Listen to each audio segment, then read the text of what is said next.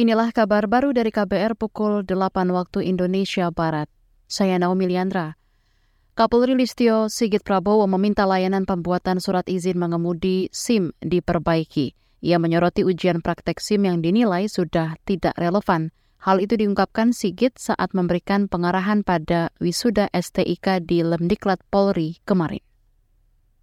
Yang namanya angka 8 itu masih sesuai atau tidak?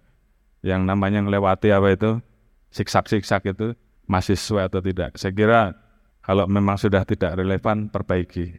Nilai-nilai apa yang ingin kita cari dari seseorang yang kita uji untuk memiliki SIP. Yang penting adalah bagaimana dia menghargai keselamatan para pengguna jalan dan bagaimana dia memiliki keterampilan pada saat mengendarai kendaraannya. Kapolri Listio Sigit Prabowo sempat menantang para wisudawan untuk menjalani ujian praktek SIM. Sigit ragu mayoritas dari mereka bakal lulus dengan model ujian yang saat ini berlaku. Menurutnya wisudawan yang lolos ujian SIM bisa menjadi pemain sirkus. Ke depan Sigit tak ingin lagi ada persepsi bahwa ujian SIM sengaja dipersulit sebagai modus untuk menarik pungutan.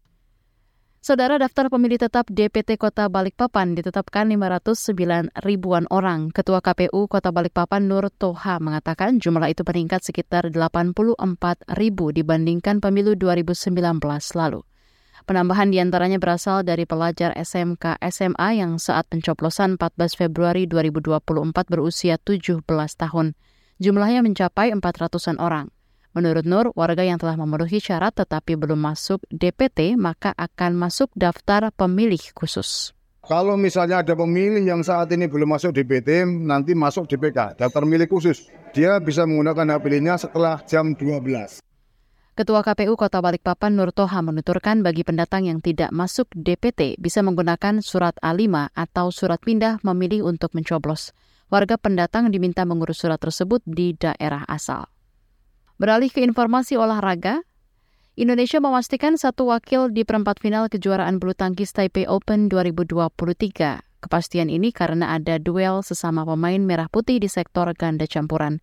Unggulan ketiga Rinov Pita akan ditantang juniornya Jafar Aisyah. Adapun pasangan Rehan Lisa yang diunggulkan di tempat kedua juga berpeluang besar menang melawan wakil tuan rumah. Di sektor tunggal putra, Ciko Ardoyo diharapkan bisa membalas kekalahan dari pemain Malaysia Leong Chun Hao. Sedangkan Tommy Sugiarto mesti menghadapi lawan berat yakni unggulan ketiga asal India, HS Pranoy yang tengah menanjak penampilannya. Di sektor putri, Indonesia mengandalkan tunggal putri, Putri Kusumawardani, kemudian ganda putri Febriana Amalia, serta Melisa Rahel. Saudara demikian kabar baru, saya Naomi Liandra.